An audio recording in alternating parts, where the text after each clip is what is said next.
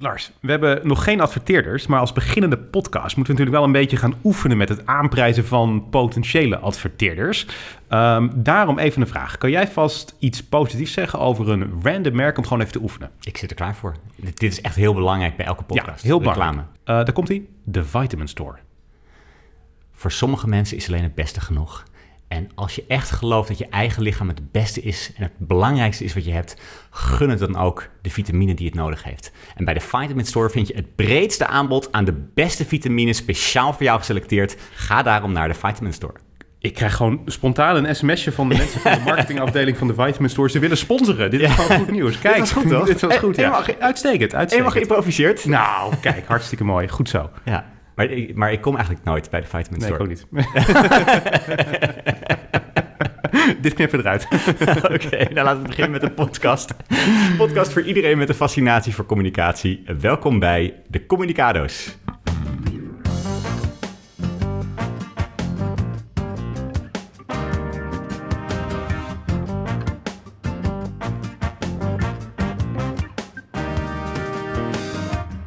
Welkom bij deze aflevering. We gaan het vandaag hebben over minister Hugo de Jonge. Want die vliegt er steeds harder in tegen ongevaccineerden. En we gaan het hebben over waarom hij dit doet. Is het zo dat hij heel graag wil dat mensen zich laten vaccineren? Of zit er misschien een ander belang bij? Namelijk om de aandacht af te leiden van wat je zou kunnen noemen iets minder geslaagd coronabeleid van Het de regering. gefaalde beleid van de regering. We gaan het ook hebben over eh, Jort eh, Kelder, want die heeft een opmerkelijke manier van vragen stellen als presentator bij Op1. Zijn vragen zijn niet altijd vragen. Maar hoe ga je ermee om als gast? We gaan het erover hebben. En het ABP, dat is het grootste pensioenfonds van Nederland, die stopt met beleggingen in fossiele brandstoffen. Dit is in de pensioenwereld echt een hele grote ontwikkeling. En ook voor Nederland zou ik best willen zeggen dat het een grote ontwikkeling is. En het is een direct gevolg van een, echt een jarenlange campagne van de leden van het ABP. Wij hebben gekeken naar wat het geheim is van die campagne en wat toekomstige campagnes daar ook van zouden kunnen leren. Dus dat allemaal in deze aflevering. Als je het een leuke aflevering vindt, eh, vergeet dan zeker niet te abonneren en te recenseren op Apple Podcasts, want dat stellen we natuurlijk heel erg op prijs. Klaar voor, Lars? ik ben er helemaal klaar voor. Ik ben net terug uit België. Ja, Brussel ben jij geweest, toch? Ja, klopt, ja. ja. Het centrum van de macht. Zeker, ja. ja. Nee, de Europese Unie zit daar. Eh, ja, nee, ik zat daar voor een, eh, een internationale conferentie ehm, en daar was ik eh, dagvoorzitter. Maar weet je wat een van de eerste dingen is die mij gewoon opviel toen ik daar de trein uitstapte? Dat alles zo slecht onderhouden is in België. Ja, zeker, zeker. Want dat, dat zie je wel echt direct. Wij in Nederland zijn echt heel veel ja, minder. man. Nee, dat is echt een groot verschil. Groot verschil, ja. Ja, nee, de infrastructuur in Nederland is echt eh, top geregeld en dat zie je daar wel. Maar het, eh, dat viel me op. Maar het tweede wat me eigenlijk vooral opviel was het feit dat iedereen echt daar heel trouw mondkapjes draagt. Ja, moet ook. Dat moet ook. Dat, dat realiseerde ik me niet. Dus zodra ik de trein uitkwam, eh, direct dat ding natuurlijk van mijn gezicht eh, getrokken. Ik heb zoiets van, jongens, ik ben Nederlander. Wij hebben geen mondkapjes nodig. Hè? Dat zijn wij gewoon. dat, dat, wij zijn er sterk genoeg voor. Ja. Maar eh, Wij dat, hebben een intelligente lockdown, Ja, een intelligent precies. beleid, een intelligente mondkapjes. Wij hebben dat niet nodig. Bij ons werkt corona niet zo. Eh, maar goed, ik werd er direct op aangesproken. Want er zitten dus een aantal mensen daar op dat station in de gaten te houden of je mondkapjes draagt. Dus eh, ik kreeg direct Dat- een tik op mijn vingers. Dat dacht je waarschijnlijk ook. Oh nee, weer een Weer een Nederlander. Ja, ja, ja, waarschijnlijk wel, ja. Dus eh, nee, maar goed, ja, eh, ja, ik vond het wel lastig. Ja, ik, ik had ook wel zo, dat vind ik ook altijd lastig bij dit. Ik vind het echt niet zo fijn om die mondkapjes te dragen. Dus ik was blij dat we er in Nederland wel een klein beetje van af waren. En ik moet zeggen, het heeft ook bij mij een soort van existentiële angst gebracht. Want als je gewoon naar de cijfers kijkt, 87% van de 18-plussers is inmiddels gevaccineerd. Ja. Eh, dat is ongelooflijk veel. Als we dan nog steeds mondkapjes moeten gedragen, wanneer komen we er dan vanaf? Dat vind ik een existentiële angst. Dat, dat is Nee. heel zwaar geformuleerd. Victor. Nee. Jij twijfelt of je dit overleeft. Nee, ik, over, ik, ik vraag me gewoon af, gaan we ooit van mondkapjes? Ik, de angst dat, dat, dat het gewoon permanent mondkapjes gaat worden in de winter, die, die wordt wel ietsje reëler hoor. Ja. Maar ik denk als, als, de, als er medicijnen komen tegen corona, waarbij Ja, ook in het ziekenhuis beter geholpen vaccinaties, kunt eh, eh, dat het over zou zijn. Maar goed, ja, misschien heb je En gelijk. misschien alleen in de winter. Dat, je, dat je in de zomer ze afdoet en in, in de ergste maanden van de winter in, in het openbaar een mondkapje draagt. Ja, ik vind het wel een belemmering. Ik heb wel het idee dat ik gewoon een fijner leven heb zonder mondkapjes. Maar goed, oké. Maar goed, anyway, dat is niet de reden waarom ik dit begon te vertellen. Want ik, ik, ik zat Dit daar dus... een hele lange aanloop dit. Ja, maar je moet er geen aanloop noemen. Het is gewoon een, het, het, het heeft een aantal zijpaden. Maar dat is ook goed om zijpaden te nemen in het leven. Ja. kom Ehm, maar door, kom maar door. Oké, maar ik was daar voor een conferentie over eh, eigenlijk wat goed burgerschap is. Ja, belangrijk. Belangrijk, ja. Dus dit is een aantal uh, mensen die uh, zijn verantwoordelijk voor het uh, leren van burgerschapsvaardigheden in het onderwijs. Internationaal, dus het zijn veel Europese landen, ook sommige landen daarbuiten. Maar de vraag is eigenlijk van hoe kan je democratische vaardigheden, zoals het respecteren van meningen van anderen, bijbrengen. En dit is een jaarlijkse conferentie die plaatsvindt. En ik was dus, zoals ik zei, de dagvoorzitter daar. Maar een van de dingen die me daar direct ook al opviel, en dat is altijd als je als dagvoorzitter bij dit soort bijeenkomsten komt, je komt er als outsider in wat een klein beetje een bubbel is. En hier valt je direct op. Het zijn hele hoogopgeleide mensen. Het zijn ook allemaal hele progressieve mensen. Hoe, hoe zie je dat nou, aan mensen, dat ze progressief zijn? Nou ja, Gaan, help me, gaan, ik, wil ze, ik wil ze ook kunnen spotten. Uh, nou, je, je merkt gewoon dat de manier waarop dingen uh, besproken worden. Ik, ik was daar dus, ik had daar een mede-presentator met wie ik, uh, een, een, vrouw eigenlijk, een mede-presentatrice, met wie ik aan het repeteren was. Wat was ook deels hybride, dus er moeten wat camera dingen gerepeteerd worden. Dus tijdens de repetitie zei ik, nou, ladies and gentlemen, welcome. Waarop zij zei van, moeten we niet ladies, gentlemen en non-binary people zeggen, want dat is inclusiever. En dat vind jij belangrijk bij een conferentie over burgerschap. Ja, ik had ook. Ik, ja, ik vind dat echt wel een. Ja, jongens. jongens maar volgens mij moet je niet non-binary people zeggen. Want dat, dat dan, maar dat je gewoon, uh, net als de NS, beste reizigers. Jongens, kom op nou zeg. Hallo iedereen, welkom iedereen. Dat, Hello dat everyone. Ja, jongens, kom op, gewoon ladies and gentlemen. We gaan die 0, weet je, statistisch 0,3% van de mensen is non-binair. Dus we hebben het echt letterlijk over dat tijdens een conferentie waar 500 mensen aanwezig zijn, over één of twee van dat soort mensen. En het punt is, je maakt er zo'n groot steek van als je daar expliciet non-binaire mensen zegt. Ik vind dat echt, echt heel ver gaan. Maar dit was gewoon tijdens de repetitie, toch? Dat iemand tegen jou zegt van je kunt ook iets anders zeggen, waardoor iedereen zich welkom voelt. Ja, nee, precies. Maar goed, uiteindelijk heb ik het niet gedaan en dat is natuurlijk ook mijn je hebt niet geluisterd? Nee, natuurlijk niet. Wat denk jij? iemand probeert je te helpen, geeft een goede tip en dan zeg jij van... Uh, geen goede tip. Nee, Fuck it, ik ben een Nederlander. Ik doe gewoon waar ik zin in heb. nee, ik vind, ik, ja, ik vind dat echt te ver gaan, eerlijk gezegd. Ik, dat, je, als je, dat je niet meer ladies and gentlemen kan zeggen, dat, dat gaat voor mij echt een brug te ver. Dus dat, dat heb ik daar gewoon natuurlijk wel gedaan. En daar is natuurlijk niemand over gevallen. En ik vermoed ook wel dat dit voor zelfs voor die club mensen ook wel echt te ver gaand is. Maar het punt het zijn dus hele progressieve mensen. En een van de dingen waar ik me ook wel soms zorgen om maak, is dat het te veel een bubbel is die, uh, die mensen daar zijn. Dus die, dat, dat allerlei burgerschapsvaardigheden vooral gedoseerd worden door mensen die links georiënteerd zijn. En dan zie je wel vaak ontstaan dat op het moment dat iemand rechts is, dat, dat, dat je dan eigenlijk nog geen goed burger bent. Dat als jij bijvoorbeeld tegen de EU bent of tegen restrictief immigratiebeleid, dan is er wel een soort van direct van verdenking van ja, oeh, je hebt nog wat onderwijs nodig, want je, het moet je worden bijgebracht, zodat je daar uiteindelijk op een goede manier over nadenkt. Dat, dat vind maar ik altijd wel tijdens de conferentie dan besproken? Dat je, dat, je, dat je eigenlijk wel voor immigratie moet zijn of zo? Dat, dat kan ik me niet nou, voorstellen. Er wordt natuurlijk wel heel veel populisme daar uh, besproken en dat dat als een, een soort van kwaad uh, wordt gezien in de samenleving. En daar ben ik het in zekere zin natuurlijk ook wel mee eens, want ik denk dat ook inderdaad, nou ja, Baudet en, en, en Trump in Amerika, dat die ook een, een Wilders en ook een hele slechte invloed hebben op heel veel uh, dingen. Alleen het, het, punt volgens mij voor een klein beetje is dat ik, dat, dat ik het niet per se verkeerd vind dat uh, mensen rechtse meningen hebben. En ook misschien wel um, um, uh, gewoon rechtser dan zeg maar gemiddeld. ook linkser een mening mogen wat mij betreft mensen hebben. Ik vind het eigenlijk goed dat mensen andere meningen hebben vooral. Ik denk dat dat democratisch is. Ja, maar waar merkte je dat dan aan? Want... Maar het is, het bedoelt, Gebeurde er iets tijdens de conferentie waarvan je zag, is dat, is dat ja. Nou, maar kijk, het is niet alsof dit iets is wat mijn observatie alleen is. Hè? Want zij zeggen het ook zelf dat zij veel te homogeen zijn in dat opzicht. Okay. Alleen mensen die zich bezighouden met dit soort vaak, eh, zaken, dat, die zijn vaak erg D66 GroenLinks georiënteerd als dat in Nederland zou plaatsvinden. Dus dat is wel gewoon een kenmerk van dit soort mensen. Dat zie je ook echt wel heel veel gebeuren. Dus ik, ik denk dat dat uiteindelijk een risico is. En er zat ook een Europees parlementslid eh, bij die dan pleitte voor Europese burgerschapsvaardigheden. Dat dat een soort van vak is wat op school gegeven moest worden. En dat is ook natuurlijk een, een heel links zeg maar, parlementslid. En nogmaals, ik vind het niet per se problematisch dat het iemand is die links is. Alleen het probleem is dat het bijna exclusief toegeëigend wordt door links. En daar zie ik een gevaar in, want dat vergroot gewoon die polarisatie in de samenleving. Uiteindelijk is het niet zo dat als jij links bent, dan heb jij niet meer burgerschapsvaardigheden. Als, recht, als je rechts bent, kun je ook een hele goede burger zijn. Ja. Maar daar waren ze het uiteindelijk toch wel over eens. Ja, in theorie wel, inderdaad. Ja, in theorie wel. Ja. Of ik denk in de praktijk gaat dat ook wel goed, maar je ziet wel dat, dat, dat, dat, daarmee een soort van morele superioriteit af en toe door links wordt toegeëigend. Wij zijn betere burgers. En dat vind ik wel af en toe een disqualificatie van andere meningen. En dat is denk ik een uh, risico. Maar goed, ik bedoel, een van de dingen, en dat vond ik wel interessant, wat, wat ik daar geleerd heb, er waren dus een aantal nou ja, professoren die daar ook spraken. En dat was een Belgische professor, uh, Ellen Klaas, een, een, een, vrouw, ze was nog relatief jong, uh, maar wel al professor. Dus dat heeft ze op zich heel goed voor elkaar. En die is dus iemand die onderzoek doet naar hoe kan je dat soort burgerschapsvaardigheden nou uh, aanleren. En een van de interessante dingen die zij deed daar, was dat zij uh, liet zien van als je nou één ding echt wilt doen, dan zou je eigenlijk heel veel uh, debat in de klas moeten hebben. En niet alleen debat over veilige onderwerpen, maar juist over hele controversiële onderwerpen. Niet per definitie, je kunt ook veilig onderwerpen, ook zeker geen probleem, maar zoek die controverse ook op in de klas, zei ze eigenlijk. Dat je boze kinderen krijgt. Nou, niet per se, want juist die controverse zorgt ervoor dat mensen erover gaan nadenken. Dat is het hele positieve daarvan. En ze zegt uiteindelijk dat heel veel docenten gericht zijn op stabiliteit. Dat is haar analyse. Uh, terwijl je eigenlijk moet gericht moet zijn op disruptie. Omdat, en dat nogmaals, dat is dus haar analyse. Omdat uiteindelijk uh, democratie een staatsvorm is die bij uitstek goed kan omgaan met disruptie.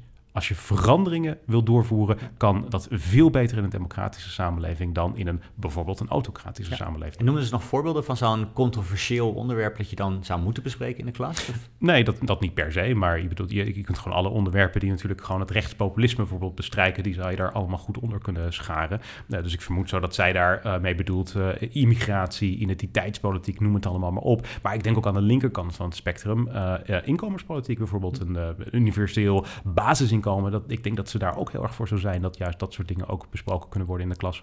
Ja. Dus het was eigenlijk een pleidooi voor een soort van, van open manier van discussiëren. En, niet, uh, dat, dat, dat, is de reden uiteindelijk waarom zij dat verhaal daar hield. Zij had ook zoiets van, heel veel docenten die hebben de tools nodig om die controverse goed te begeleiden. Het vergt veel van docenten, het is niet makkelijk per se. Je moet je kwetsbaar opstellen als docent. Dus zij pleitte er ook voor dat docenten die tools moeten krijgen. Dat is haar functie daar ook in dat uh, congres. Maar het hele idee dat je gewoon de discussie zo open mogelijk moet gooien, ja. dat is denk ik van, van belang. Want ik denk dat, dat, dat, dat soms dingen iets te politiek correct, iets te veel op stabiliteit zijn gericht. Dat is niet goed in een democratie. Ik denk ook wel dat dat goed is. Ik schrok er zelf afgelopen jaar van dat ik een keer zag dat er steeds minder bijvoorbeeld over uh, de holocaust wordt gesproken in uh, bepaalde wijken in, ja. uh, in, in Nederland. Want als dat controversieel ligt onder de leerlingen, dan wordt het eigenlijk als onderwerp al een beetje ja. terzijde gesproken. Nou ja, of terzijde geschoven. Ja. ja, je hebt het er juist over als het tot uh, controverse leidt, zou ik zeggen. want dat, dat is wel iets wat je moet behandelen. Het is zo'n belangrijk onderdeel van, uh, van, de, van, van Nederland, van de Nederlandse geschiedenis. Dat moet je alleen al om die reden dus bespreken, volgens mij, om Nederland te kunnen begrijpen.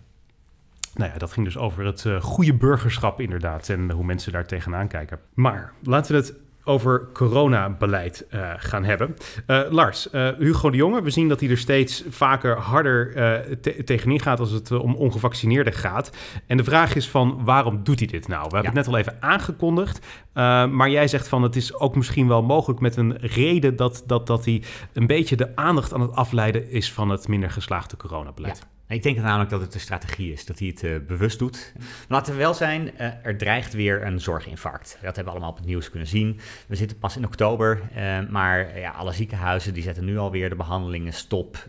En op een gegeven moment gaan mensen zich dan afvragen van, hoe komt dat? Hoe komt het nou dat we nu, ondanks alles wat we hebben gedaan, dat we toch weer in de penarie zitten? Ja. Als je mensen nu op straat vraagt, wat denk je, Victor? Nou ja, er was natuurlijk in de talkshows afgelopen week wat uh, peilingen van uh, Gijs Rademaker. En die lieten zien dat uh, heel veel mensen het vooral de ongevaccineerden aanrekenen dat ja. er nu weer problemen zijn. Ja, dus het is niet iets wat door het kabinet is bedacht, denk ik ook. Het is wel iets wat zij bewust opstoken op dit moment.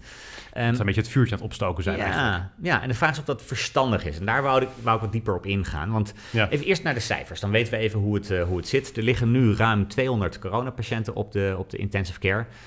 Dat valt objectief gezien nog best mee. Het 200, dus liever zou je dat niet hebben, maar 200 valt wel mee. Zeker als je het even in perspectief ziet. De eerste golf waren dat er 1300, de tweede golf waren er 750, de derde golf waren er 850. Dus je zou zeggen dat 200, dat moeten we toch wel aankunnen. Waren het niet dat volgens mij de zorg nu niet overbelast is, maar onderbezet. Het is eigenlijk niet een te veel aan patiënten, is een tekort aan personeel. En ja. Dat zijn best schokkende cijfers. Als je dat erbij pakt, dat je echt denkt van... er zijn op dit moment 74.000 vacatures in de zorg. Uh, 63.000 medewerkers zijn ziek en, en, de helft daarvan al langer dan drie maanden. Er is een hoger verzuim dan vorig jaar. Dus dat, het gaat gewoon echt niet goed in de zorg als het gaat om het personeel. Het is gewoon een enorme uitputtingsslag natuurlijk voor veel mensen in de zorg geweest. Het, ja. uh, was heel erg intens daar uh, ja. in coronatijd. Ja, en hoe komt die uitputtingsslag? Ja, daar kan je heel lang en kort over zijn. De Nieuwsuur die had er natuurlijk ook al een drieluik over deze, deze week. Maar uh, ik denk dat je echt kan zeggen, de zorg is overspoeld door de eerdere golven. Hè, en daar zijn medewerkers echt uitgeput. Nou ja, heel veel daarvan ehm, hebben er mede daardoor voor gekozen om de zorg te verlaten. Maar mede door wat er eerder is gebeurd, hebben we ook een historisch stuwmeer eigenlijk aan inhaalzorg, wordt dat genoemd. Hè. Mensen die eigenlijk een jaar geleden geholpen hadden moeten worden, maar nu op de wachtlijst gezet, zijn gezet en daarom nu aan de beurt zijn. En dat Ja. veroorzaakt dat nu die ziekenhuizen zo vol zijn. Niet zozeer die 200 eh, mensen die op de IC liggen, maar dat er gewoon echt afgelopen anderhalf jaar dingen zijn gebeurd die de ziekenhuizen voor een ongelofelijke uitdaging hebben gesteld. En ja, die, die medewerkers zijn nu moe, die zijn kapot, die kunnen Ja. niet meer. Ja.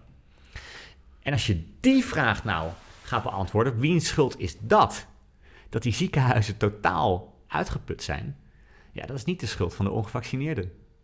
Hè, dat, dat, dat, het is altijd voorzichtig, je moet altijd voorzichtig zijn de schuldvraag te stellen. Maar je- ik- Nederland heeft wel echt wel dingen anders gedaan in de afgelopen pandemie dan andere landen.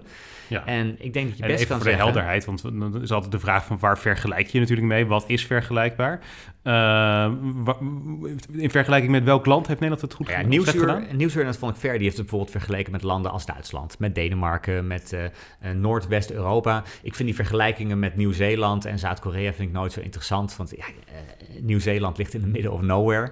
Eh, twee uur vliegen van het dichtstbijzijnde eh, land. Eh, dus dat is veel makkelijker te isoleren dan een land als Nederland, midden in Europa, met zoveel handel, eh, en met de haven, met Schiphol. Dus dat, dat is ook veel lastiger, maar je kunt echt wel stellen dat we in Nederland, bijvoorbeeld met dat dansen, dansen met Jansen, Ja. ervoor gekozen hebben dat hoewel het nog niet verstandig was, hoewel andere landen nog voorzichtiger waren dan wij, wij echt jongeren hebben aangemoedigd, hier één prik in je arm en dezelfde avond kan je nog gaan dansen. En toen ging het ook onmiddellijk mis. Dus Ja. we hebben echt in Nederland dingen te laat, verkeerd, te gemakkelijk Misschien eh, ook wel gewoon te vroeg versoepeld. Hè? Ja. Want het kabinet is op een gegeven moment verder gegaan dan het OMT... Ja. met bijvoorbeeld het afschaffen van de anderhalve meter maatregel. Ja, en ik zie een, een, een risico, als je het puur vanuit een PR-bril bekijkt, dat mensen zich dit gaan realiseren. Dat er steeds meer ev- of, eh, evaluaties naar buiten gaan komen, waar toch blijkt van de echte reden dat het nu misgaat in de zorg is omdat we het eerder gewoon verkeerd hebben gedaan. En als we die hele situatie bekijken door de bril van storytelling, nou ja, je hebt heel vaak in storytelling, heb je, dat heet dan de drama-driehoek. Eh, Drie rollen die ieder verhaal bepalen. De, de held, de slachtoffer en de Schurk. ja, dat zeg je heel voorzichtig. de schurk. Nou ja, het, wie, wie is vaak het slachtoffer? In populisme is dat altijd het volk. Ja. Hè, dus het volk is, eh, is het slachtoffer. Maar dan heb je in dat verhaal, in die driehoek, heb je dan nog een held nodig en een schurk. Ja, ik, zit- wacht, ik zit even toe te passen op, op, op zeg maar... ehm, eh, nou, laten we even een superheld nemen. Superman. Ja, Dus dan is Superman de held. ja. Dan is eh, de schurk Lex. Lex Nee, Luthor. Lex Luthor. Lex ja. Luthor. Ja, precies. En dan hebben we als eh, slachtoffer eh, Lois Lane, toch Ja. vaak? Ja, die is wel inderdaad, die dreigt dan inderdaad door Lex Luthor eh, gepakt te Ja. worden en, en, en beschadigd te worden. En dan is daar gelukkig die Superman. Niet, Precies. niet Clark Kent, maar Superman Exact. die redt haar. Oké, dus dat is een soort van basisstructuur voor een, een, een, gewoon een verhaal. En dat is een template die op allerlei dingen toegepast kan worden. Maar die kun je dus ook gebruiken inderdaad om een boodschap eh, te verkondigen. Dus dan is het, eh, in populisme is vaak het volk het slachtoffer. Ja. En dan eh, heb je, als je realiseert dat het volk het slachtoffer is, heb je vaak dus nog twee partijen nodig. Oorspronkelijk in, in, in tijden van corona, corona, toen de pandemie net was eh, uitgebroken, toen had je dat, het virus, dat was, dat was de schurk. Want het virus, dat bedreigde ons allemaal. En gelukkig had je daar nog wel de held, dat was, eh, dat was de zorg. Ja, Daar hebben we met z'n allen voor geapplaudisseerd. Absoluut, oh, ja. wat, eh, wat waren we blij met de zorg. We hebben een minuut lang geapplaudisseerd. ik vind dat Die wel grappig hoe Hugo de Jonge van dat virus altijd een soort van menselijke eigenschappen toeschreef. Dus eh, het virus is gewetenloos, zei hij er dan bij. Ja. Het is een soort van antropomorfisme om dan te doen alsof het inderdaad een, een zelfdenkend iets is, zeg Ja, maar. net als het gebouwheld of zo. Ja, nee, precies, ja. ja. Dus, maar ja, inderdaad, dat, en, en wij zijn ook, of wij zijn misschien klaar met het virus, maar het virus is nog niet klaar met, ons. Oh, wat erg. jak. Eh, maar dus dat, je zag dat, eh, dat dat was oorspronkelijk heel lang het verhaal. En op Ja. een gegeven moment zie je natuurlijk dat in, naarmate een, een, een, een verhaal langer duurt, of de, de pandemie in dit geval langer duurt, zie je dat die verhaal een beetje gaat, eh, dat het verhaal een beetje gaat veranderen. En dat het dan de vraag is, ja, hoe, hoe, hoe ontwikkelt zich dat? En ineens hebben we nu het verhaal dat de zorg eigenlijk het slachtoffer is. Hè, want wij hebben die zorgmedewerkers, die hebben inderdaad, nou, die, die zitten onder enorme druk, die kunnen het niet meer aan, eh, die kunnen het niet meer aan met z'n allen.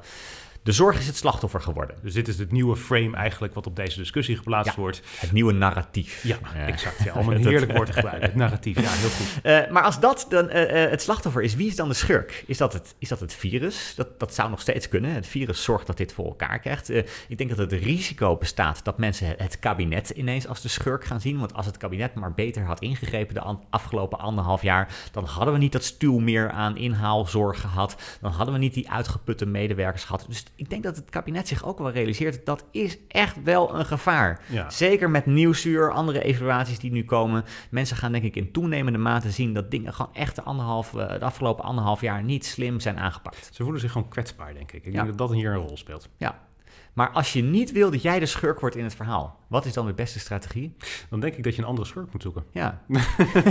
dat is echt. eh, nee, absoluut. Als jij niet wil dat jij de schurk bent, dan wil je iemand anders de schuld of de schurk. En dat maken. zijn dus de ongevaccineerden uiteindelijk. En dat is de reden waarom Hugo de Jonge er tegen tekeer gaat. Ja, want het kabinet heeft er baat bij dat mensen de ongevaccineerden als schurk zien. Want dan, dan, dan is het kabinet niet, sowieso niet meer de schurk. En misschien kan het kabinet wel de held zijn. Want de held die, die pakt die schurk dan hard, hard aan. Hè? En hoe harder de maatregelen tegen die ongevaccineerden, hoe blijer de Ja. samenleving wordt. Want eindelijk is er iemand die opstaat en die, die ongevaccineerden hun verdiende loon geeft. een natte droom van Hugo de Jonge. Dat heel het land aan het applaudisseren is voor Is hem. Voor hem. Goed zo, eh, goed zo Hugo. Ja. eindelijk pak je die, eh, eindelijk pak je die eh, ongevaccineerden aan. En eh, even voor de duidelijkheid. Hè. Ik vind dat iedereen zich moet laten vaccineren. Ik vind het ook ongelooflijk Oh, dom. dat? Ja, Oh. ik denk dat... Ik, ik, ik vind het dom. Controversiële mening. Ik vind het dom en kwalijk als je dat midden in een pandemie niet inderdaad. doet. Ja, dat hè. moet je absoluut doen. Maar als je kijkt naar communicatie, dan je, we zien nu eh, een, een grote wiswas, eh, witwasoperatie van het eigen falen van, van het kabinet. En dat begon Oeh, pittige uitspraak hier. ja, ik vind, het, ik vind het ook echt wel. Gewoon een grote witwasoperatie van het eigen falen. En dat begon twee weken geleden met Hugo de Jonge in een ziekenhuis. Ik denk dat het ook dat het een bewust moment is eh, om, om te beginnen met die operatie. Want als je gewoon qua beeldvorming dat goed wil neerzetten, waar begin je dan? In het ziekenhuis. Hè, dus, dus in een ziekenhuis, ook niet in de Randstad, in Leeuwarden, Ja. begon het eigenlijk voor het eerst. In Friesland, hè? dus dat moeten we even bij zeggen, want eh, we love Friesland. Wij zijn heel blij met luisteraars uit Friesland. Maar eh, Hugo de Jonge, die, die, die, die was daar en die zei ook eigenlijk letterlijk gewoon tegen, tegen mensen daar die ongevaccineerd zijn, je ligt op een bed dat voor iemand anders was bedoeld. Ja. Vind ik een hele kwalijke opmerking inderdaad. Maar ik viel er ook wel een klein beetje over. Want dit kan je natuurlijk ook zeggen over mensen die met longkanker daar in het ziekenhuis liggen. Als die gerookt hebben, dan kan je ook zeggen dat ze daar misschien wel een aandeel in hebben gehad. En bijna elke vorm van kanker heeft een leefstijlcomponent. Je had altijd iets niet kunnen doen. Eh, wat er waarschijnlijk aan had bijgedragen dat de kans veel kleiner is dat je dat had. En als je dat dan tegen die mensen gaat zeggen, dat komt wel heel erg ja, bijzonder hard en onempathisch over. Ja, en zelfs bij corona op de IC kan je dat natuurlijk zeggen. Want Ja, eh, niemand als je- kiest daarvoor om op de IC terecht te komen. Nee, maar ook als je, als je overgewicht hebt, is bijvoorbeeld ook echt de kans dat je daar ligt groter dan wanneer je dat, eh, dat niet Ja. hebt. En we moeten die weg niet op, denk ik. Het is echt Nee, een hele die mensen nare ook route. spijt hebben natuurlijk op dat moment dat ze daar liggen. Dus in dat opzicht, om het ze in te wrijven, vind Ja. ik gewoon niet zo fijn. Ja, en ik heb hem dat ook nooit horen zeggen. Direct toen hij begon met zijn dansen met Jansen. Toen zijn echt in, in de korte tijd zijn er 140 extra plekken op de IC die waren nodig ineens. Het ging van 80 naar, naar, naar ho- 220 of hoger. Ik op dat moment heb ik hem niet horen zeggen van... er liggen nu allemaal mensen op de IC die daar niet Nee. verdienden te liggen... of niet hoorden te liggen, maar die liggen, die liggen daar omdat ik een domme oproep heb gedaan. Ja. Dus heel zelfkritisch is hij op dat gebied niet. En hij maakte deze opmerking ook. Hij zei dit op 14 oktober, toen er nog maar 150 mensen op de IC lagen. Dat was veel lager dan, dan, dan de hele zomer en vele malen lager dan eerder. Dus eh, het is echt niet zo dat dat alleen maar komt door, eh, door ongevaccineerden en dat dat de essentie is van het eh, probleem. En hij bleef het maar roepen, elke keer weer ongevaccineerden zijn de reden dat het nu misgaat. En het is ook niet dat hij de enige is in de wereld die dat roept. Je ziet het in Italië, Verenigde Staten, zie je het ook. Maar ik denk wel dat het een hele bewuste communicatiestrategie is. Dus vanuit het perspectief van storytelling snap je dat denk ik ook. Maar het is heel dom. Ja. Het is echt heel erg dom. Ja. Niet een beetje dom, zoals de koning dat eh, soms is, maar het is echt heel erg dom. En het Sociaal Cultureel Planbureau die legt dat eigenlijk het beste uit. Dus die, die komen regelmatig met rapporten van hoe het gaat in de samenleving, wat mensen vinden, wat hen raakt, waar ze, zij, zich zorgen om maken. En anderhalf jaar geleden, mei 2020, kwamen zij met een rapport dat heet Zicht op de samenleving in coronatijd. Mhm. En daar zeggen ze, uh, de coronacrisis, quote, grijpt in op bestaande ongelijkheden, verschillen tussen groepen en kwetsbaarheden die het SCP, dus het Sociaal uh, Cultureel Planbureau, al langere tijd constateert in de Nederlandse samenleving. En zij zeggen Kijk daarmee uit. Ze doen een oproep expliciet voorkom polarisatie. En die oproep doen ze later weer, maart 2021. Ze hebben een rapport, een jaar met corona. En ook hier leggen ze de huidige pandemie in de, in de context van andere uh, pandemieën. En ze zeggen het stomste wat je kan doen in, in een tijden van een, pandemie is om mensen de schuld te geven. Want het waren eerst, waren dat, uh, bij SARS waren dat de Chinezen of mensen met een Aziatisch uiterlijk. Hebben we natuurlijk ook bij corona in het begin gezien. Ja.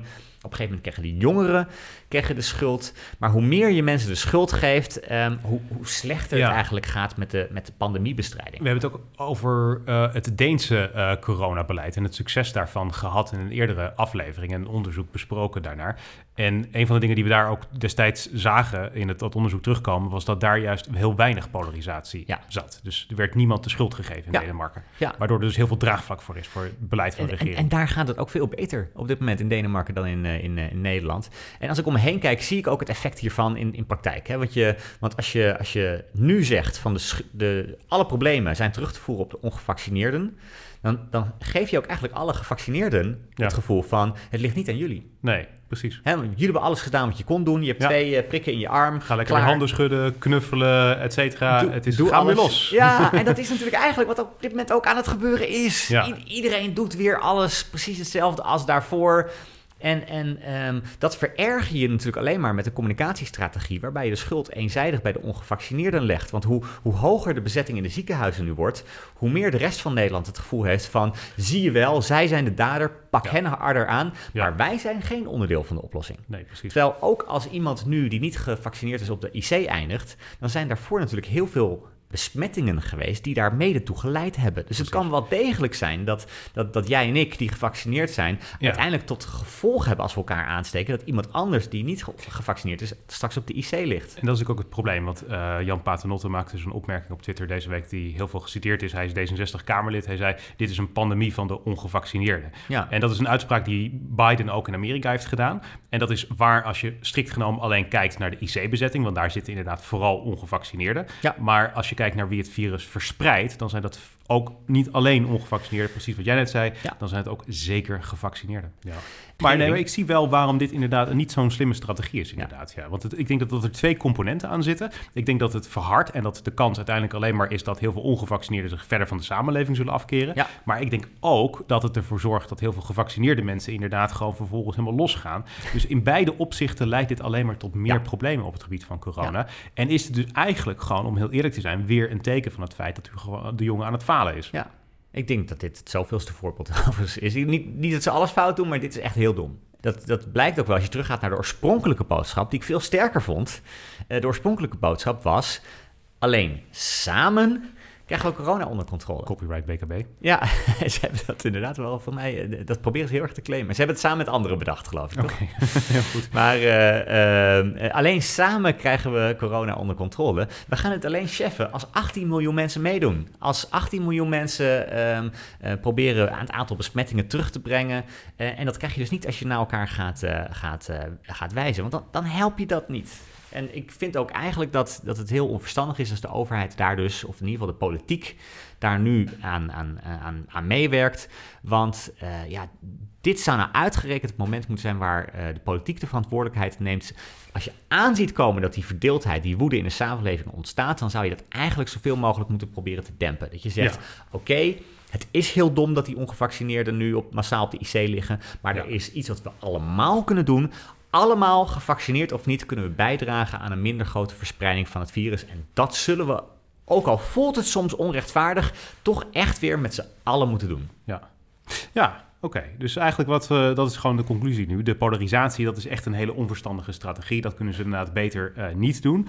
Uh, dus laten we gewoon eens een keer uh, eindigen met een pittige oproep. of zullen we eindigen met pittige Stop daarmee, stop daarmee. Hugo ja. de Jonge, stop daarmee. Ja, ja. ja ook, ook, misschien voeg ik nog één ding toe. Oké. na, die, na, die, na die afsluiting. Uh-huh. Ook omdat ik bang ben voor de lange termijn. Oké. En, want we, j- jij zei, je maakt je zorgen over dat je, dat je tot in de eeuwigheid mondkapjes moet, eh, moet dragen. Nou, ik, ik, ik, ik hoop in ieder geval, en ik ga er ook wel vanuit, dat we die pandemie achter ons laten. Dat we op een gegeven moment echt verder gaan als samenleving.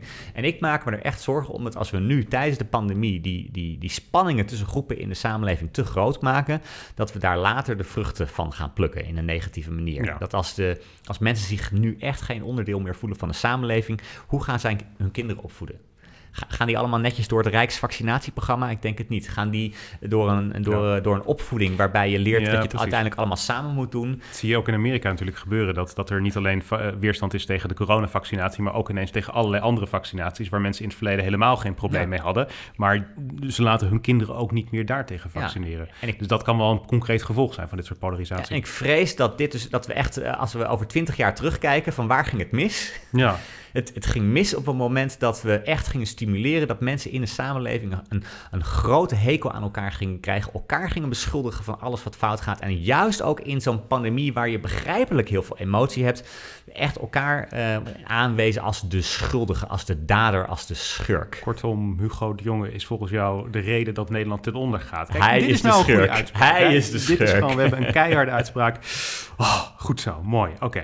Eh, was dat het? Of na deze afsluiting wil je nog een afsluiting dit was hem. Dit was ik hem was het net zo mooi aan het afronden. En dan kom jij Ja. er weer met een afsluiting. Dat doe ik. Zo ben ik. Zo ben ik. Heel goed. Ik zat eh, deze week een talkshow te kijken. Alweer? Ik zal je even een fragmentje laten horen, want ik hoorde daar eh, Jort eh, Kelder eh, het programma presenteren. Jort Kelder is natuurlijk een van de weinige mensen die is doorgeschoven van vaste gast naar presentator, want dat is hij tegenwoordig op één dag per week van op één.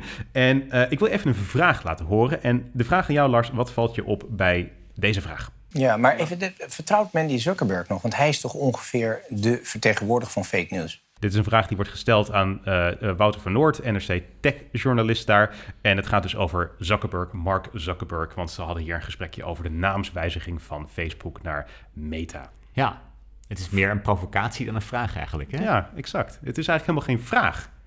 Dat is het hele opmerkelijke aan dit alles. Dit of interrupties in de Tweede Kamer zie je dat continu. Is een interruptie en dan zegt iemand eigenlijk wat. En dan zegt de voorzitter, maar wat is de vraag? Vindt u dat ook niet? Ja, dus dan zegt iemand inderdaad, ja, dit is de grootste schande sinds de Tweede Wereldoorlog. Het moet een vraag zijn. Bent u het niet met mij eens dat? Ja. nee, dat ja, precies. Nee, kijk, Jort Kelder is wel echt natuurlijk een, een als talkshowgast enorm succesvol. Hij is een van de weinige gasten die echt kijkers trekt. En je ziet soms dat hij als presentator nog niet helemaal gegroeid is in die rol. Hij is nog steeds af en toe iemand die die prikkelende uitspraken doet. En nou doet hij die vooral in de vorm van eh, inderdaad een vraag. Want dat is er wel wat van hem verwacht wordt in deze positie. Ik zat er ook direct aan te denken, want wat zou je nou kunnen antwoorden hierop? Het is best wel moeilijk om met deze vraag om te gaan. Want deze vraag is interessanter dan elk mogelijk antwoord. Want strikt genomen, als de vraag is van vertrouwt iemand Mark Zuckerberg nog? Dan is het antwoord gewoon, ja natuurlijk vertrouwt iemand Mark Zuckerberg Er moet iemand zijn. Eh, ja, ik bedoel, eh, niet, niet alleen dat. Hij is, is de baas van, van Facebook. En, en als, die, als niemand hem meer zou vertrouwen, dan zou hij niet langer de baas van Facebook zijn. Hè? Dus zo werkt het natuurlijk ook wel weer. Ehm, dus het, het strikt genomen is het antwoord ja. Er zijn nog best wel wat mensen die inderdaad hem vertrouwen. Hoe zou je hem beantwoorden? Want dat is ook best wel een saai antwoord Ja. om te geven. En Ja. er zit natuurlijk ook een emotionele lading achter die vraag. En dat is ook waarom die prikkelend en interessant is. Het, het, het appelleert aan een soort van gevoel van... Mark Zuckerberg is toch een vreselijke gast. Ja. Als jij Wouter van Noord was, hoe zou je daarmee omgaan? Eh, misschien zou ik beantwoorden van, ik vertrouw hem niet. Dus het is eigenlijk irrelevant of anderen dat doen. Dat je gewoon zegt, ik vertrouw hem niet en vervolgens uitleggen waarom. Ja, het is lastig. Hij is natuurlijk wel inderdaad een journalist. Dus ik zou me kunnen voorstellen dat hij liever die objectiviteit daar zou willen bewaren. Dus dan zou je het waarschijnlijk niet op jou persoonlijk willen betrekken. Ja. Ja, dan krijg je waarschijnlijk ook een saaie antwoord. Of, of ja, ik, ik weet niet wat het antwoord hier was van hem. Maar dan krijg je inderdaad wel een heel genuanceerd antwoord. Zoals je dat net al gaf. Van nou, sommige mensen wel, andere me- mensen niet. Wat er speelt is. Wat, wat ik constateer is. Hij heeft wel een eh, aardig antwoord gegeven. Ik vond eigenlijk best wel eh, dat hij daar goed mee omging. Ik zal het even laten horen. Hij is zeer betrokken bij al die Ja? schandalen waar het bedrijf in is eh, Ja. betrokken geweest. Eh, het vertrouwen eh, van veel politici is heel laag en van burgers denk ik ook. Maar als je kijkt naar de beurskoers, die gaat door het dak. Dat is waar. Ja, Dat is ja. Dus eh, investeerders, beleggers, die geloven hem nog wel. Is wel grappig, want hij veert eigenlijk voor een groot deel wel mee met de vraag. Dus hij probeert wel de vraag te verklaren en dat eh, toe te lichten. Eh, het is natuurlijk ook zo dat er inderdaad veel kritiek is op Mark Zuckerberg. Nou, dat legt hij daaruit. Ja. En dan tegelijkertijd legt hij uit van maar de beurskoers en daarom vertrouwen in ieder geval aandeelhouders hem wel. Dus ik vind dat best een oké antwoord. Omdat hij daarmee aan de ene kant de vraag rechtvaardig en tegelijkertijd een genuanceerd antwoord geeft. Ja.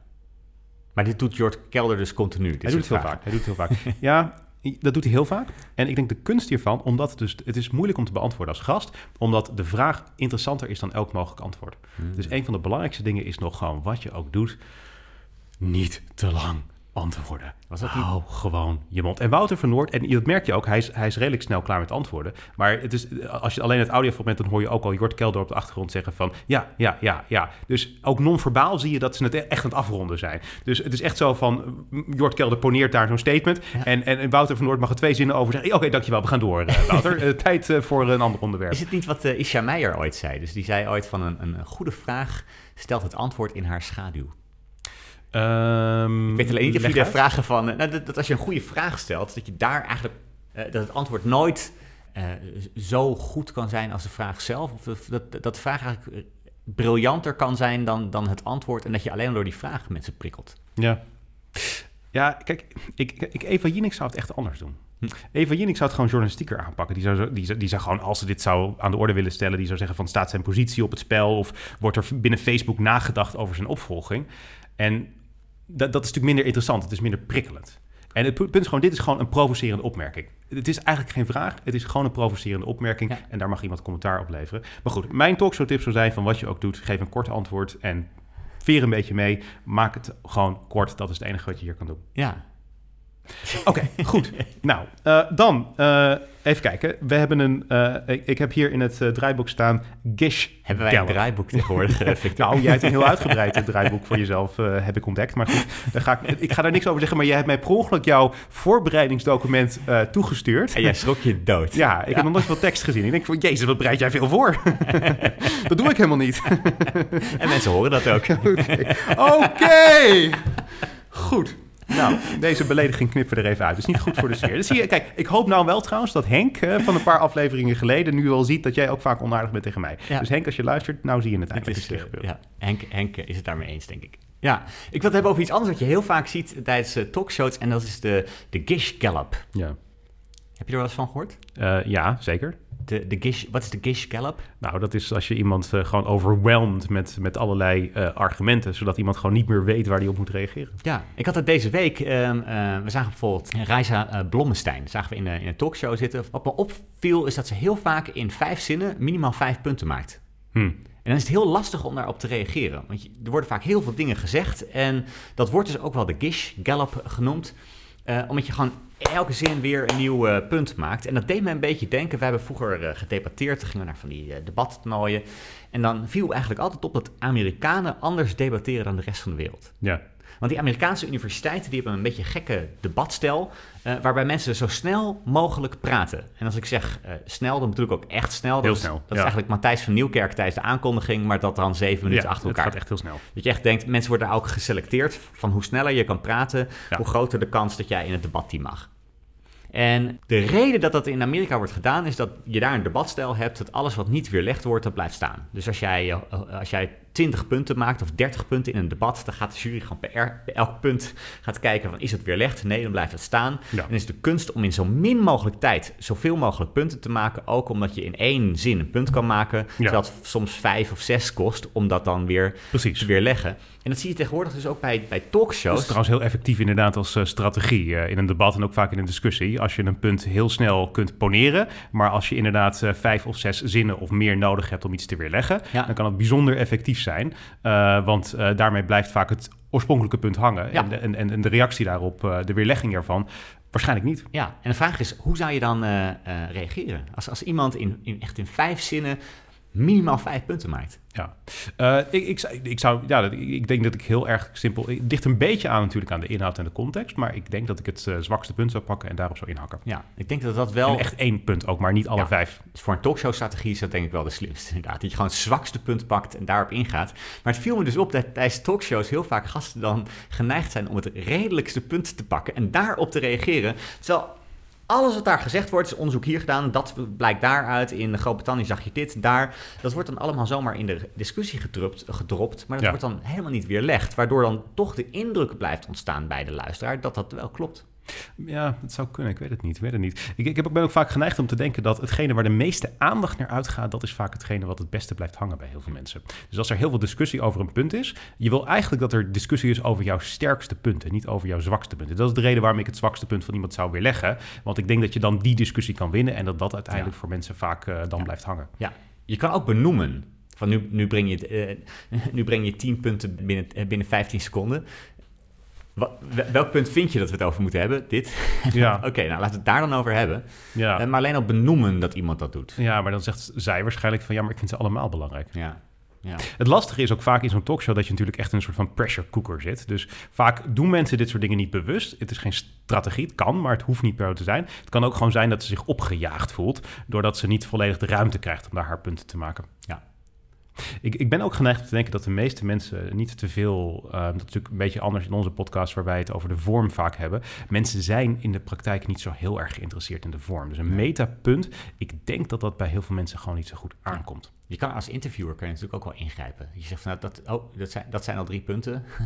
Uh, laten we eerst Ja. even naar de andere kant gaan. Uh, dat je dus niet, niet iemand toestaat om vijf, zes, zeven, acht punten achter elkaar in korte tijd te maken. Want het is voor de luisteraar is het vaak ook niet zo interessant als iemand zoveel punten achter elkaar maakt en je hebt eigenlijk geen, een, geen idee meer welk punt nou eigenlijk gemaakt Ik werd. denk dat je er meestal baat bij hebt om gewoon één goed, één sterk punt te maken. En dat is al beter dan twee of drie eh, eh, heel snel uitgelegde punten, inderdaad. Ja. Ja. Maar het is, eh, laten we het opletten tijdens talkshows, de, de Gish Gallop. Heel veel punten maken in weinig tijd. Ja.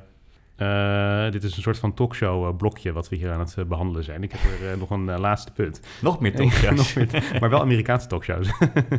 Eh, het is eh, eh, Halloween. Wij nemen dit op zaterdag op. Morgen is het eh, Halloween. En ik eh, eh, eh, weet dat op Halloween, dat is iets wat steeds groter gevierd wordt. Ik zag een tweet voorbij komen van Mitt Romney, Republikeinse presidentskandidaat uit eh, 2012. Die nam toen de tijd op tegen eh, eh, Obama.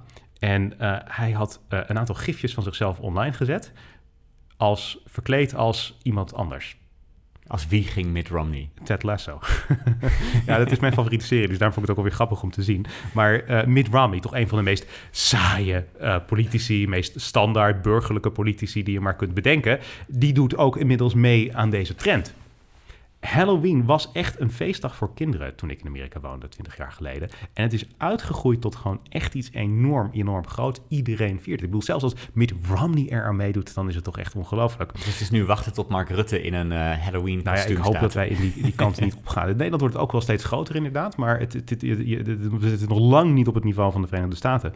En wat ook al een aantal jaar aan traditie is, dat, en zo kom ik op, op een talkshowpunt, want eh, de- het ontbijtprogramma van NBC, de Today Show, we hebben niet echt ontbijttelevisie op die manier, maar dat is een heel groot programma, duurt ook vier uur en eh, is nou ja, met heel veel gesponsorde onderdelen, fantastisch, ziet er allemaal geweldig uit. Maar op de dag voor Halloween, eh, in dit geval was dat eh, vrijdag, omdat ze op zondag geen grote uitzending hebben, zijn ze dus allemaal verkleed als iemand. En dat doen ze al jaren.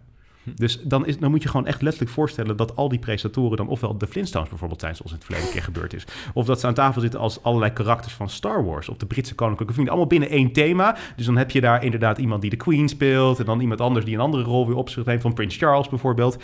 En volledig uitgedost, daar is dan gewoon echt iets waar echt heel veel budget voor is. Want het, het, wordt, wordt echt helemaal gewoon duur aangekleed. Eh Katie Kirk was de presentatrice vroeger in een jaren geleden, echt jaren, jaren geleden, lang voordat hij president was, ging zij een keer als Donald Trump.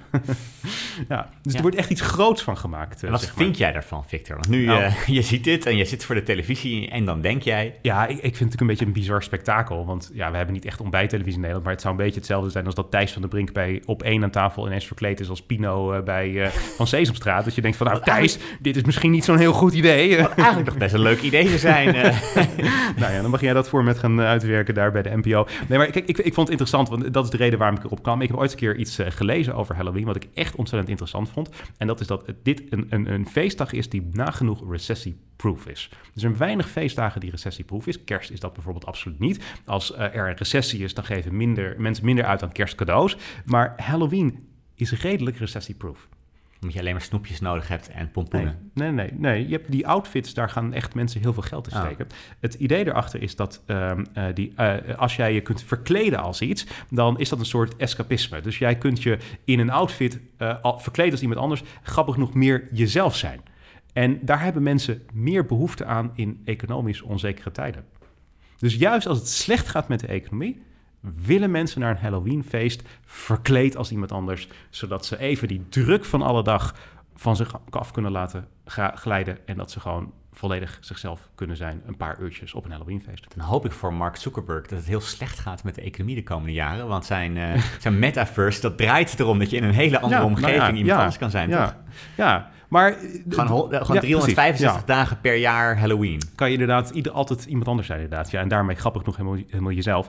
Maar wat ik ook wel, en dat- is ook een beetje hoe ik erop kwam, want ik, ik denk dat dat ehm, geldt in economische onzekere tijden. Ik denk dat Halloween tegenwoordig zo populair is. Dat zegt misschien ook wel wat over deze tijd. Dat we gewoon in een relatief onzekere tijd leven. Dat dat de reden is waarom Halloween populairder is geworden de afgelopen 10, 20 jaar. Want je ziet echt aan de cijfers dat er gewoon veel meer aan die kostuums wordt besteed dan, dan vroeger. Eh, dat het ook echt een feestdag is geworden voor volwassenen, zoals ik zei. Dus eh, misschien zegt dat ook wel wat over deze tijd. Dat de druk op mensen in ieder geval gewoon groter is dan die vroeger was. Dat het misschien op die manier tot uiting komt. Zullen we naar het laatste onderwerp gaan? Laten we dat dus doen, inderdaad. Ja. Ja. Hoe één succesvolle campagne het grootste pensioenfonds van Nederland overstag kreeg. Ja, maar dat is echt, ABP is echt heel groot. Hè? Dat, Ja. dat, dat realiseren misschien mensen zich niet. als Alle overheid, leraren eh, eh, zitten nee, bij precies. ambtenaren. Het Ja. pensioenfonds van eh, ja, 3 miljoen mensen of zo. het is echt heel veel. Ja, ik geloof dat 40% eh, van alle mensen bij het ABP een pensioen heeft Dat lopen. lijkt me veel. Maar het zijn in ieder geval 3 miljoen mensen.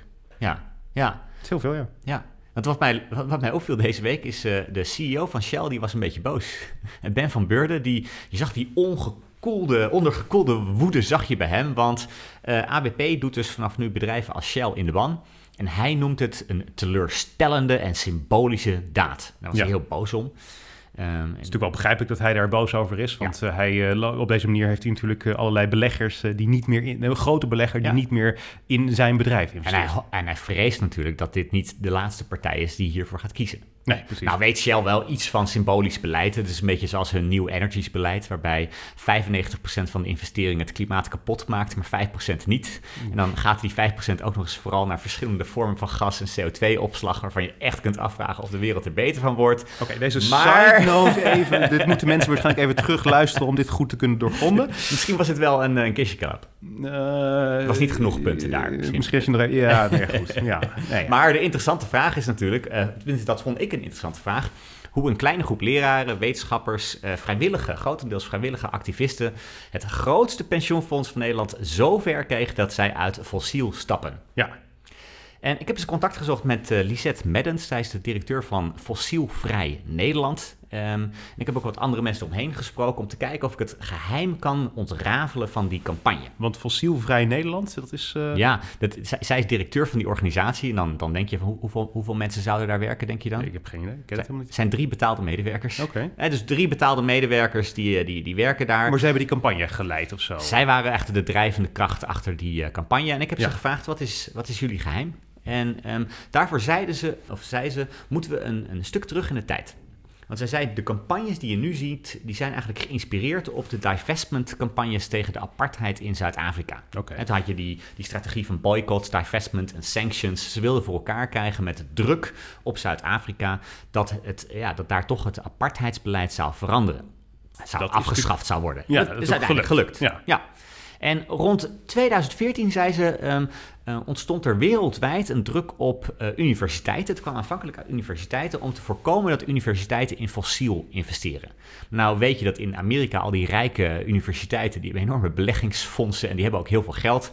Maar in Nederland is dat eigenlijk niet zo. Hè, dus de Erasmus Universiteit investeert niet in eh, Shell bijvoorbeeld. Dus, dus zij ontdekte al heel snel, daar moeten we het niet op gooien. Maar al die medewerkers van de Erasmus Universiteit, Leiden en andere universiteiten, die zitten wel verplicht bij een pensioenfonds. En dat pensioenfonds is het APP. ehm, en die investeren wel in Shell. Ja. En in 2014 is toen een stichting opgericht, Fossielvrij Nederland. En al zeven jaar zijn ze bezig met een campagne eh, om dit te veranderen. Om te voorkomen dat dus de, de alle eh, leraren, docenten... eh, Ja, dus die gewone worden- leden van het ABP, die hebben die stichting opgericht uiteindelijk. nou, dat niet. Het is niet vanuit de leden gekomen. Uiteindelijk hebben die leden wel een grote rol gespeeld. Want dit stond zeker oorspronkelijk helemaal los van het APP zelf. Maar ze Mhm. dachten, ja, als we het niet de universiteiten kunnen aanvallen of zover kunnen krijgen dat ze iets veranderen, hoe kunnen we dan in ieder geval voor, voor, voor elkaar krijgen dat alle wetenschappers, medewerkers van die onderwijsinstellingen Ja. niet verplicht bij Shell beleggen? Ja, En zij zegt, eh, er zijn een paar dingen die echt het ge- geheim verklaren van die, eh, van die, eh, van die campagne. Mhm. Dat begint met een hele concrete doelstelling. Doelstelling was gewoon heel ABP fossielvrij. Dat is denk ik altijd een goede om bij een campagne te hebben. Hoe concreter de doelstelling, hoe beter, Beter. dat vaak is. En ik denk dat met name in de discussie rondom klimaat is dat eh, best een uitzondering. Want heel vaak zijn die klimaatdoelstellingen best vaag of ver weg. Ja. Dan gaat het over een paar tienden van een graad opwarming van de aarde in een 2100. Ja. Die ook nog eens gebaseerd moet zijn dan op modellen en berekeningen. Ja. Maar je kan heel lastig beoordelen of iets nou een succes is geweest of niet. Dus heel vaak zijn binnen die klimaatwereld zijn die doelstellingen best abstract en vaag. Ja. En dit is echt heel anders. Je kan het. hier gewoon beoordelen, is het gelukt of niet. De Obama-campagne in 2008 die, ehm, eh, was heel succesvol natuurlijk. Maar dat wilden ze voortzetten, die, die grassroots energie. En toen heeft Obama, eh, zeg maar Obama for America, Organizing for America opgericht. Ja. Met het idee om draagvlak te creëren voor wetten die er moesten zouden komen. En het punt was, die Obama-campagne voor zijn verkiezing was heel succesvol. Omdat het concrete doel daar was, Obama moet gekozen worden. Maar om er allerlei wetten, waaronder zijn zorgwet doorheen te krijgen, dat was eigenlijk al te vaag. Daar was niet echt genoeg energie voor. En een van de dingen die ze inderdaad constateerden was, die doelstelling is gewoon te abstract. Ja, dus ehm, nou, hier was die heel duidelijk. Tussendoor hebben ze wel getwijfeld nog, zei ze. Want ze zeiden, misschien moeten we het... Want het lukte niet. En ze waren best lang bezig, maar eh, nou, hoe krijgen we dat dan toch voor elkaar? En toen zeiden ze, misschien moeten we ons richten op alle pensioenfondsen. Of nog even getwijfeld, als dit niet lukt... misschien kunnen we een kleiner pensioenfonds als eerste dan eh zover krijgen. Uiteindelijk was er een andere, maar nou, ze dachten ineens... ja, kunnen, kunnen we Ja. dat niet verbreden of juist versmallen op iets anders?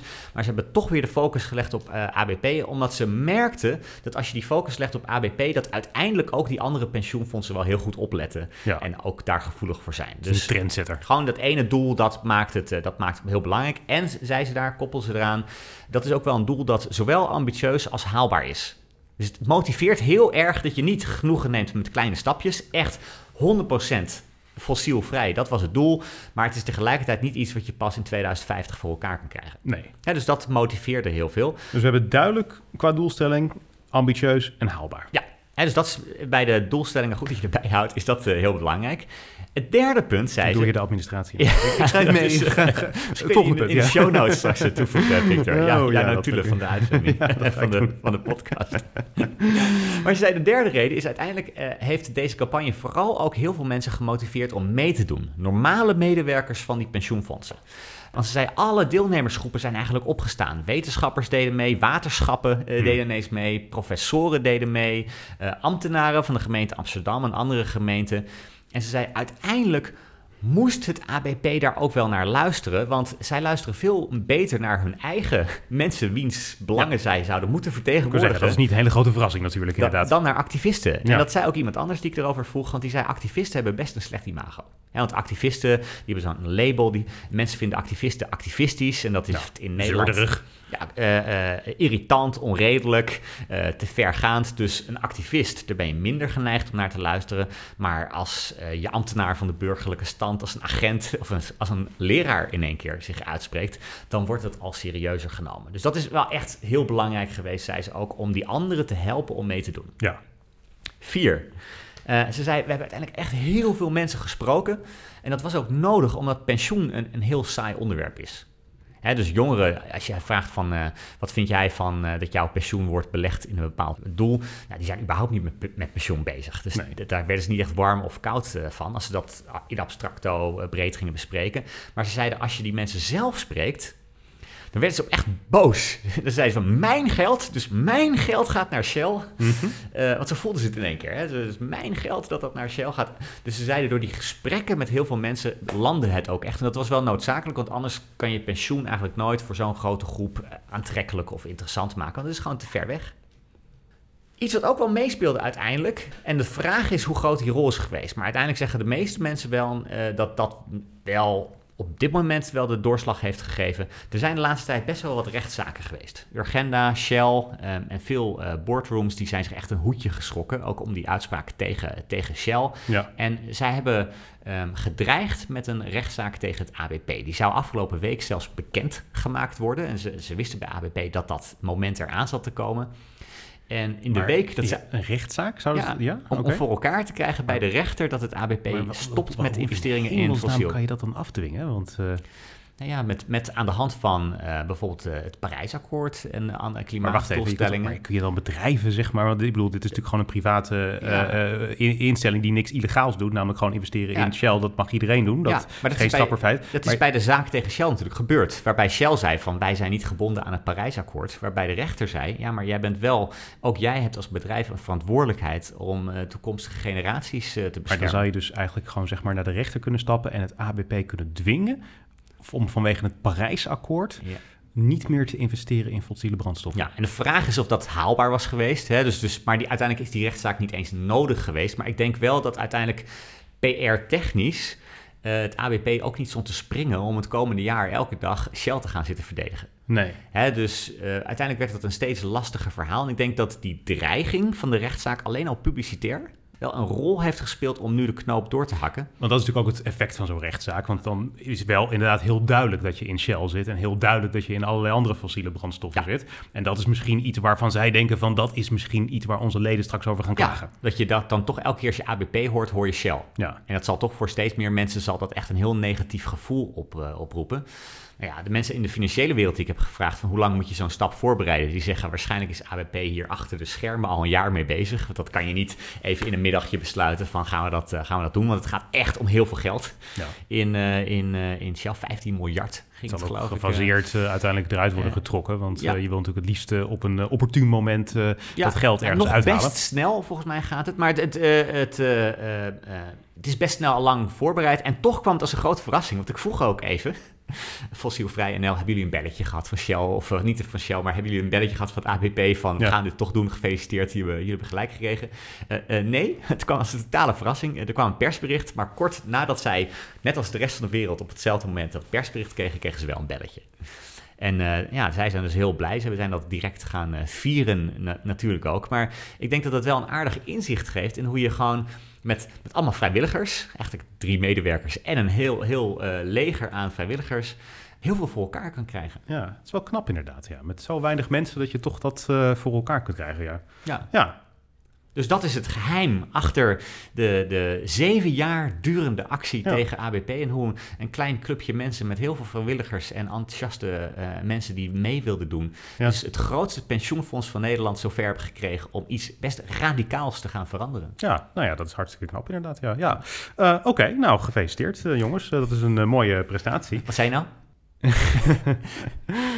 Gefeliciteerd jongens. Victor, laten we het inclusiever maken. Oh, wat erg dit. Ik word gewoon in mijn eigen podcast hier gewoon aangevallen op dit soort dingen. Oh, wat erg. ik vind het Ik zie ook een enorme ingehouden woede nu op je gezicht ineens. Gewoon, ik, weet je, ik ben blij dat we gewoon aan het einde van deze podcast zitten. Want ik ga hier gewoon straks... We gaan straks evalueren, Lars. Dat gaan wij doen hier. We gaan hier een keiharde evaluatie houden. Ik, zie de woede bij jou. Uh, ja, nee, het is nauwelijks ingetogen. Ik, ik, zie haast Ben van Beurden tegenover me. Zo boos kijk je op dit moment. Uh. nee, we gaan er wel een eind aan breien inderdaad. Ja. Goed, wij zijn uh, volgende week terug met een nieuwe aflevering. Dank wederom voor het luisteren. Vergeet niet te abonneren en te recenseren natuurlijk. Ja.